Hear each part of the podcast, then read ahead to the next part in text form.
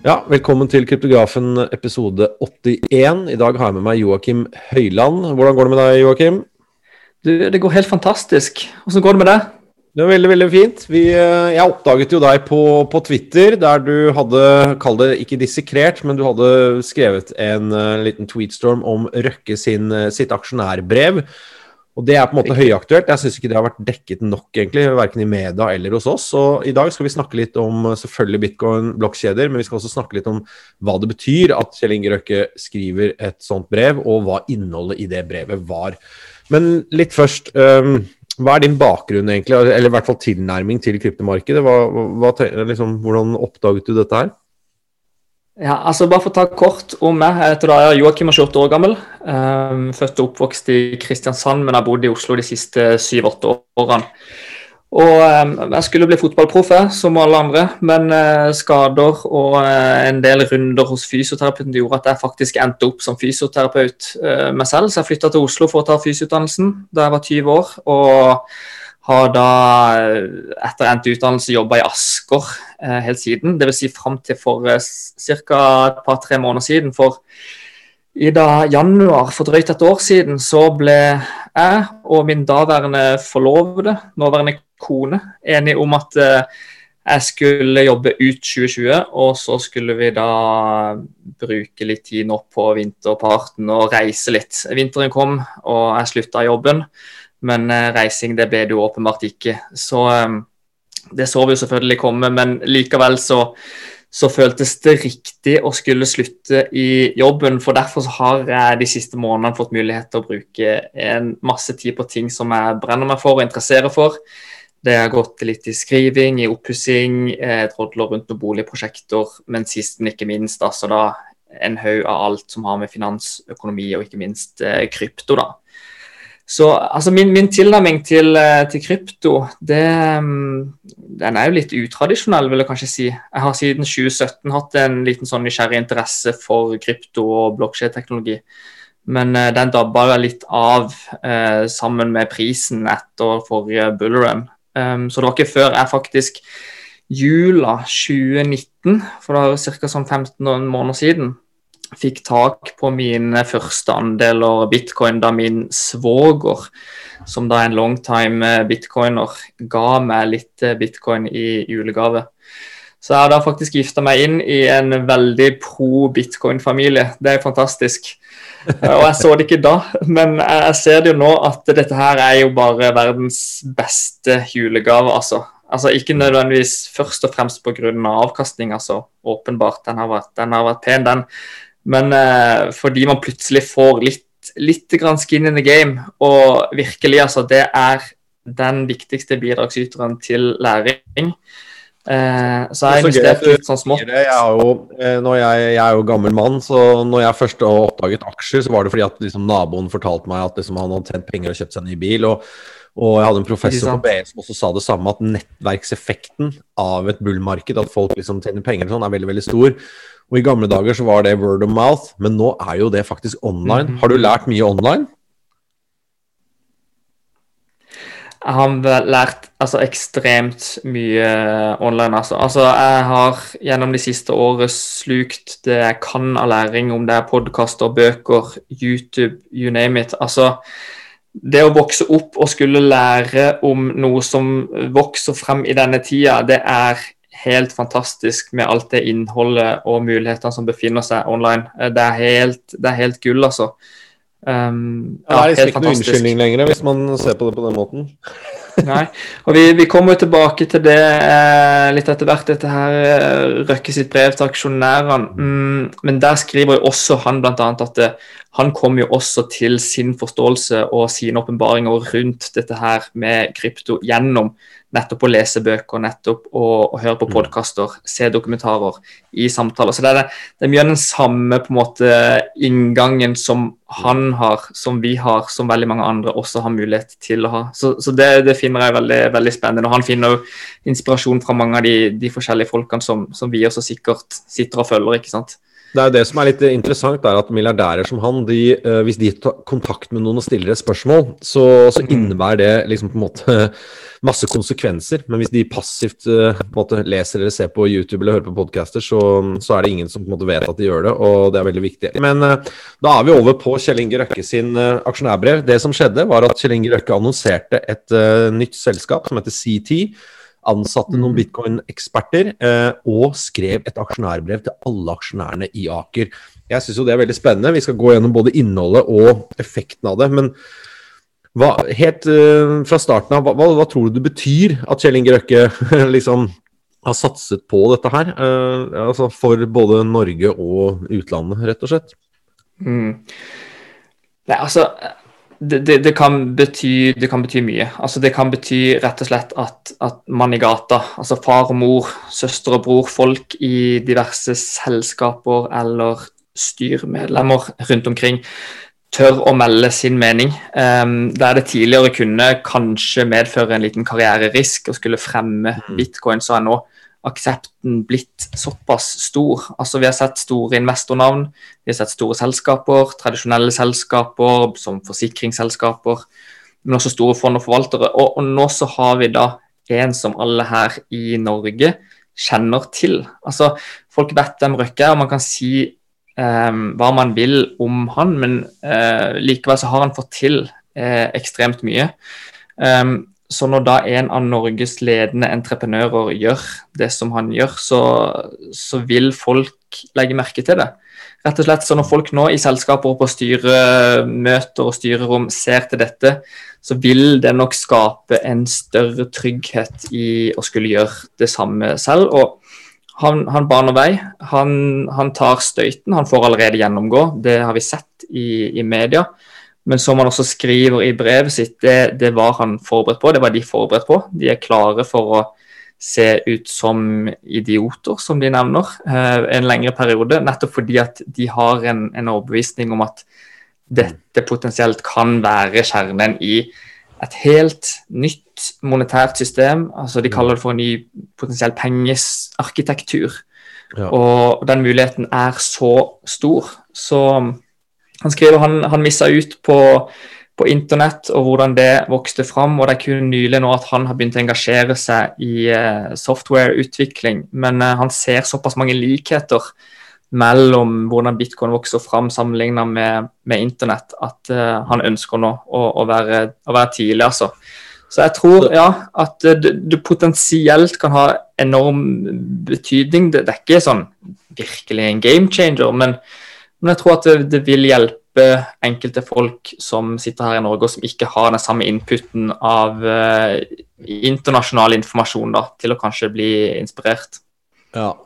Så, men jeg, jeg, så, som jeg sier alltid rundt dette her, er at øh, jeg er jo gammel aksjemegler, og da ser jeg alltid på det som heter Kapital 400-listen, som er liksom Norges 400 rikeste. Og så har jeg mm. alltid sagt at øh, hvis Kjell Inge Røkke kjøper bitcoin, så kommer de 100 neste på listen til å måtte ta det seriøst. Og det er, det er jo en helt annen greie. Det, det, er jo ingen under han på listen som ser opp til han, som gjør transaksjoner med han eller gjør business med han, som nå etter det brevet ikke ringer rådgiveren sin eller ringer oss eller noen andre og sier bare sånn Hei, vi må lære mer om dette her, for dette kan være noe. da. Mm. Så effekten av det i mine øyne også er, er veldig, veldig stor, altså. Men, men, hva var din opplevelse da den nyheten ble, ble kjent? Hva, liksom, hva tenkte du? Hva, ble du overrasket? Ja, altså Først og fremst jeg tenkte jeg dette er moro, det er gøy. Eh, jeg så det kanskje ikke komme såpass tidlig. men altså helt ærlig, selve nyheten altså nyheten i seg selv, da den på en måte sprakk om at Røkka satsa alt på bitcoin, så, så gjorde det ikke sånn enormt inntrykk på meg. Det, det, kan kanskje ha litt med at det har gått veldig inflasjon i gode nyheter de siste månedene. Ja, Er det fordi du er så trygg på produktet, at du, liksom, du er så solgt inn til eh, bitcoin, kall det det, da, eh, eller blokkjeder, at du tenkte at ja, selvfølgelig, det må jo komme det? Eller, eller hvor, hvorfor var du blasert i forhold til det? Nei, altså, jeg, jeg tenkte at det det at noen gjør det som han gjør, åpenbart det kan, det kan medføre en karriererisk, og man kan sette omdømmet sitt på spill, og sånne ting, men det at han gjorde det, det de ga meg på en måte ikke så mye informasjon i måte, den bakenforliggende årsaken til hvorfor det ble gjort. Så det var jo det var jo først da jeg leste brevet at liksom begeistringa virkelig, virkelig vokste frem. Men altså åpenbart, jeg syntes det var gøy, jeg syntes det var stort. Jeg sendte melding til pappa bare sånn, hei, dere må lese dette her, liksom, jeg har om dette lenge, nå gjør Røkke det samme. Så åpenbart, det, det trigga noe, men likevel så var det ikke før at man leste brevet at den virkelige liksom, wow-effekten kom da, vil jeg absolutt si. Men hva var, liksom, hva var det viktigste du trakk ut av aksjonærbrevet? Du har selvfølgelig lest det, jeg har lest det. Jeg syns det var veldig godt skrevet. Jeg synes det var mm.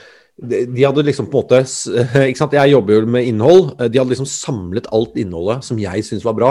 Eh, ja, Nå høres det ut som liksom på en måte jeg kunne skrevet det i den grad, men det, det er ikke det. Men det var sånn de, jeg vet ikke. De hadde liksom Referansepunktene var de samme referansepunktene som jeg hadde. Og det overrasket meg, da. Men hva, hva var din største på en måte, Hva er det viktigste du trakk ut av det? Hvis vi bare begynner der, da. Ja, jeg tror at eh, sånn som jeg nevnte, det er nok ikke først og fremst at de har eh, oppretta dette selskapet og plassert pengene i bitcoin. For det, er altså, alle kan på en måte gjøre det på bakgrunn av inspirasjon man har fått fra selskaper, om det er Square eller om det er Tesla. Eh, som åpenbart er sant, ledende innovatører på sine felt, og derfor da åpenbart vet en ting eller to om hvordan man skal imøtekomme eh, nye ideer. Men eh, det er nok spesielt det som er interessant, er nok altså hvorfor de har gjort det, med, den tyngden og innsikten og ikke minst visjonen som de, de, har. For de sier jo det at de faktisk tror at det er gode muligheter for at BTC-økosystemet kan, kan, være en del av kjernen i, i et helt nytt monetært system. Og de beskriver jo bl.a. tre potensielle scenarioer. altså Det første som er worst case, som de da ikke tror på. Men det er jo da at, eh, at eh, alle som er bekymra for at energibruken er for stor, de kan slappe helt av fordi at eh, verdiskapningen den kommer ikke til å være verdt strømbruken. Og da kommer på en måte alt til å gå i dass av seg selv, så at på en måte det flater ut. Og så har de da Eh, et andre scenario, som er liksom middle case-scenario. og Det er dette her med et digitalt gull, at det kommer til å disruptere gull sin plassering som en verdibevarende investering, men med da mye større grad av knapphet, mye bedre egenskap for oppbevaring, deling osv. Så, videre, så rett og slett bare mye bedre enn gull. Um, og dette er jo da den casen som altså det narrativet som de fleste spiller på. så Det at de legger dette som liksom et middle case-scenario, det er veldig interessant i seg selv. Men de ser jo på eller Røkke skriver at han ser på det som gjør han begeistra for bitcoin, først og fremst, er hvordan det virkelig kan være liksom, kjernen i et helt nytt økosystem med diverse applikasjoner, alt desentralisert, uten mellommenn.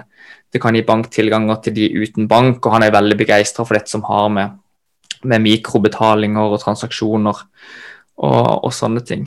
Så syns jeg også at det er veldig interessant at, at, brevet også adresserer alle de store utfordringene som bitcoin ofte kritiseres for. Altså ulovlig aktivitet, problemer rundt anonymisering, energibruk, skaleringsutfordringer.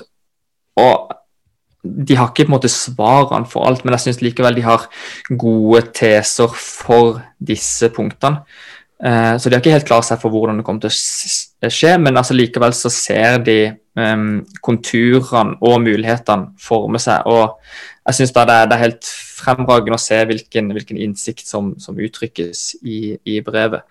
Så ja. Ja, nei, er, eh, De har gått grundig til verks. Det er jo sikkert ikke han som har skrevet det, han har i hvert fall fått hjelp til det. Men, eh, men, det er jo på en måte å stå bak det, for han har jo signert det, som er liksom det viktigste. Og jeg tror det har masse bra ringvirkninger. Men hva tror du ringvirkningen kan være? Tror du det har en effekt på det norske liksom, på en måte bitcoin-samfunnet, eller at andre rike milliardærer kommer til å kjøpe bitcoin? Ja, altså jeg tror det absolutt. For jeg tror altså at det at han bare gjennomføre det som han gjør. Det er som du har vært inne på tidligere, er at folk kan ikke la dette bare gå forbi i stillhet. Man, man blir nødt til å faktisk sette seg ned, stille de spørsmålene enda grundigere som man kanskje bare ikke har adressert i like stor grad tidligere.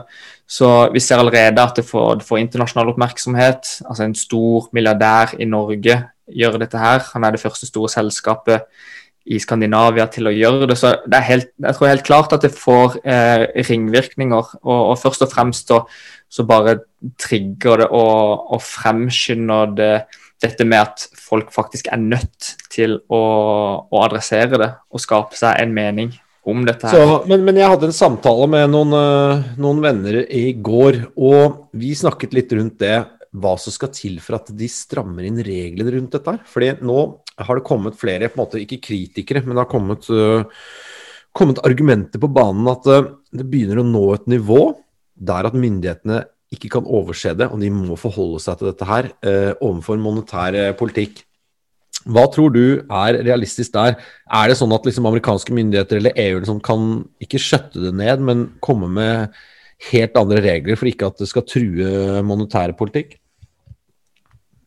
Altså det er jo det, er det vanskelige spørsmålet, og der jeg besitter nok ikke på en måte kunnskapen til å kunne komme med veldig sånn velformulerte tanker i forhold til det. Men um, jeg tror nok uh, det er helt åpenbart at det, kommer til å, å, møte reguleringer i ganske nær fremtid, nettopp fordi at det vokser såpass stort frem. Men jeg tror bare det har brutt over et, et punkt nå hvor at det skulle virkelig stramme for mye inn i restriksjoner, det kommer til å um, skape hindringer for videre verdiskapning, for videre innovasjon. Hvis altså et stort, ambisiøst vestlig land skulle virkelig satt foten ned her, så, så, tror jeg det kunne fått en del negative ringvirkninger. Det, det, vil, det vil få negative, men, men, men, hvis vi tenker oss litt om, da, så det er jo verken EU eller USA kommer til å sitte og se på eh, altså det som bitcoiners da, og oss liksom kaller det håpe på eller tror på. De kommer jo ikke til å sitte og se på at vi eh, eller bitcoin og blokkjeder tar over en monetær politikk. Det gjør de ikke. Så i mine øyne så må du på en måte leve side by side og være ufarlig. Uh, inntil det blir farlig, så kan det jo true noe, og da må noen agere. Eller tror du at uh, liksom, vi er forbi den faren, eller står vi foran den, eller hva er dine tanker? Nei, jeg, jeg, tror nok at du er inne på det, det, viktige der, at det kommer til å på en måte du må kunne harmonere sammen på et vis. For hvis dette her skal skal bryte med den måte, etablerte eh, økonomistrukturen, så, så, vil nok ikke de tillate det. Det er jeg helt, helt enig i. At det, det, skal ta over liksom absolutt, absolutt alt. Det kan jeg absolutt ikke se, i hvert fall i på en måte nær fremtid. Så, så jeg tror nok at man må, man må, jobbe veldig tett, og jeg håper at myndigheter eh, både EU og USA vet at liksom i, i det amerikanske finanstilsynet så er det folk som har eh, inngående kunnskap om bitcoin. I senatet så er det folk som kan en del om bitcoin, og at disse her kan være på en måte brobyggere inn til folk i kryptosamfunnet og, og skape mm. gode, gode, dialoger, gode samtaler rundt hvordan man kan på en måte klare å, å harmonere dette videre uten at det, du får for mange negative konsekvenser for verken det ene eller andre systemet. da. Hvordan det kommer til å se ut er veldig... Nøkkelen her er vel kanskje at uh, hva bitcoin er. da, for Hvis det er store of value, så etablerer man jo bare et sparekonto ved siden av det eksisterende systemet. Hvis det blir betalingsløsning eller referansevaluta uh, på mange altså si, transaksjoner eller kjøp på internett og sånn, så, så har du et problem. Men hvis det bare er store of value, så kan man jo bare sette verdier der, akkurat som man setter det i et fond eller en bolig eller en hytte på fjellet. eller Så spiller det ingen rolle for myndighetene hvor uh, verdiene er, så lenge verdiene registreres og skattlegges. Uh, eller hva, hva, er din tanke rundt det? Nei, det, det, er nok, det, er nok, på en måte det, det, narrativet der rundt at det skal være verdibevarende som har vært på en måte det som jeg har kanskje helt mest mot selv. Og selvfølgelig så har man så har man også hørt disse tankene om at det kan på en måte potensielt være med å disruptere hele det, det økonomiske systemet. Eh, så, så, personlig så heller nok jeg nok mer mot at uh, det kommer til å være mer et digitalt gull med mye bedre egenskaper enn det gull besitter den dag i dag. Um, men jeg syns jo også at det er veldig veldig interessant hvordan dette her kan, kan potensielt være med å Uh, inkludere folk som ikke er så privilegerte som folk her i Vesten, som også Røkke skriver, at for han så fungerer dette systemet helt, helt fint. Han er en privilegert hvit mann i Vesten, businessmann. Han har tilganger, men det er milliarder der ute som ja, ikke ja, har den samme tilgangen. Og, og det vet jeg, jeg er veldig enig i det, men jeg er jo også så gammel og erfaren at jeg er litt uenig også, fordi jeg vet at under finanskrisen i 2008 så ringer Kjell Inge Røkke, Stein Erik Hagen og Petter Stordalen ringer til DNB og sier hvor trygge er dere egentlig? For du vet at hvis Kjell Inge Røkke har 5 eh, milliarder stående hos DNB, så får han dekning for 2 milliarder hvis eh, banken går konkurs. Sånn at eh, de har jo et større insentiv til å på en måte måtte allokere pengene riktig, da. Kanskje ikke det gjelder så mye for Petter Stordalen akkurat nå, men, men Kjell Inge Røkke må på en måte hele tiden ha et uh, si, risikoanalyse på sin bank. For han får ikke dekning mer enn uh, to millioner kroner. Mm. Ja, og absolutt. Uh, og jeg ser absolutt det poenget. Så um, jeg vil nok si at jeg vil de tingene som kommer fram i Røkke sitt brev, syns jeg er veldig veldig interessant. Men det er ikke sånn at man, man sluker alt helt ferskt, for det virker hva, kanskje på Hva er det du syns var dårlig, da? Hvis vi, vi, på, vi kritiserer det litt først før vi avslutter der. Men hva, hva er det du syns du ikke likte med det? Nei, altså Jeg syns nok at det det, du, jeg skulle gjerne likt å sett kanskje hvordan um, Vi var inne på dette her med regulering og sånne ting, og, og, hvordan noe kan på en måte bare skride frem og vokse frem som et såpass altså stort, det, stort system, en såpass stor infrastruktur, pengearkitektur, um, uten at man på en måte klarer å skissere kanskje hvordan dette her skal sammenfatte med det allerede gjeldende. For det at det, at det skal disruptere, det er på en måte fint og kult å si, men man vil ikke tillate det. Så hvordan, hvordan, kan man forvente at reguleringer kommer til å skje? Det er kanskje noe av det som jeg, jeg savner litt, for det er veldig spennende. Det er store ord, det er visjonært, uh, og det er kult at en fyr i hans bransje gjør dette her, men likevel så skulle man kanskje sett at der han på veldig mange andre punkter er veldig flink til å brette ut tesene sine, hvordan dette kan imøtekomme de de, de, kritikkene de har fått, men på akkurat når det kommer til hvordan det skal disruptere da hele dette økosystemet, så får man kanskje ikke like mye kjøtt på beinet der, da, vil nok jeg si. Men det er jo den farlige delen, da, som vi diskuterte også, så det er liksom kanskje greit å ikke, ikke, adressere det for mye. Ja, men, eh, men, hva med kritikerne? Du, møter du mange kritikere i hverdagen? Er det liksom jeg vet ikke om det er familie eller forretningsforbindelser eller hva. Liksom, møter du folk som liksom ikke tror på dette her, eller ikke liksom Nei, øh, bitcoin er en svindel. Altså, møter du kritikere? Ja, absolutt. Altså, det, det gjør man, og det, det tenker jeg det, altså, det, er helt greit eh, at eh, kritikere, når noe vokser frem, når det kommer til innovasjon, og spesielt disruptiv innovasjon, som, som bitcoin i høyeste grad er, så, så vil det liksom utfordre det etablerte, det vil utfordre det som er, er gjeldende. Og, og, det er ubehagelig for mange. og Man, man vet at altså dette med endringsvillighet det kan være vanskelig for mange. Det at man ønsker å søke etter å bekrefte det man selv er overbevist om. Confirmation bias det er en sterk driver. så at, at man har kritikere, det er helt det er på en måte helt greit. Eh, og det holder også på en måte utviklere på tå, og det kan også stimulere til mer innovasjon for folk som jobber i spacet rundt bitcoin, til å bare være enda mer gira på å utvikle disse produktene. Um, et, men det jeg tenker nå da etter hvert, er at um, det er såpass mange store, tunge aktører som er bitcoin-forkjempere nå, at jeg er liksom ikke like redd nå for at den offentlige debatten og diskusjonen skal drukne i kritikere. Um, tidligere så var det sånn at man hadde kanskje ikke de store stemmene som deltok i den offentlige debatten, men i større grad, i hvert fall hvis man ser litt mer internasjonalt, altså, så virker det som om det er det, altså. Um, så ja. Ja, nei, sånn er det. Jeg, jeg, er jo en sånn evig kamp med kritikere på, på Twitter der, men uh, det er viktig å liksom ikke bare kaste ball frem og tilbake. Det viktige er liksom å lære av hverandre, og jeg prøver å forstå hva kritikerne på en måte har å utsette på det. og mange liksom hevder at å, det er ikke noe betalingssystem, men det er jo klart at det ikke er noe betalingssystem hvis du ser på mainnet uh, bitcoin. da. Det tar jo tid å verifisere en blokk uh, og sånn. Du kan sende over. Det er jo på, på, en måte et betalingssystem, men det er ikke et effektivt betalingssystem sammen med Visa hvis du skal handle i en butikk. da. Men, men klarer man liksom ikke å se en tredimensjonal greie rundt det. det. det. er ikke gitt at en ny protokoll trenger å være, ha de samme egenskapene da, som vi er vant til. Uh, hva er dine tanker rundt det? Altså, det er sånn, det er jo, altså, uh, Suksessen til bitcoin består jo ikke hvorvidt det er raske transaksjoner på mainnet nå. Nå kommer det jo lightning og andre ting, ja, men, men det, er jo, det, er jo, det, er jo, ikke det som gjør det interessant. Det er jo på en måte alle andre uh, altså, ja, funksjonene som gjør det interessant. Mm. Mm.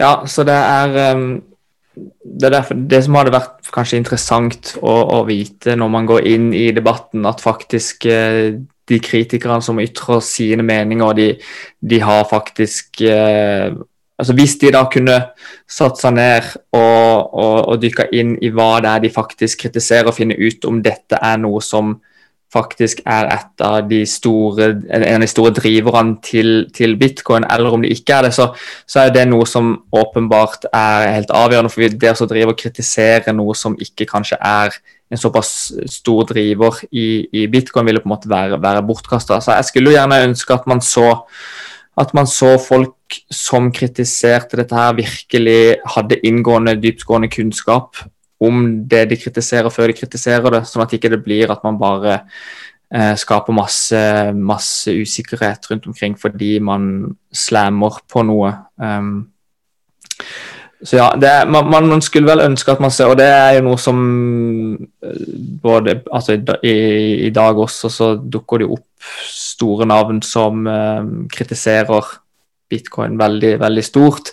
Um, men også er på en måte litt åpen om at man ikke kan noe om det eller kjenner noe til det. Og det på en måte for meg virker som litt sånn OK, det er det kritikerne kommer med. At du kritiserer noe som du ikke kan så mye om. Eh, det syns jeg er litt uheldig at det får såpass mye spalteplass, da. Ja. enig, enig, med deg. Så men Hva er din fremtid innen dette? Har du lyst til å jobbe med det, investere, eller hva, hva er din liksom, måte, Hvis du ser på de neste tre årene for deg nå, hva, hva er dine planer? Mm.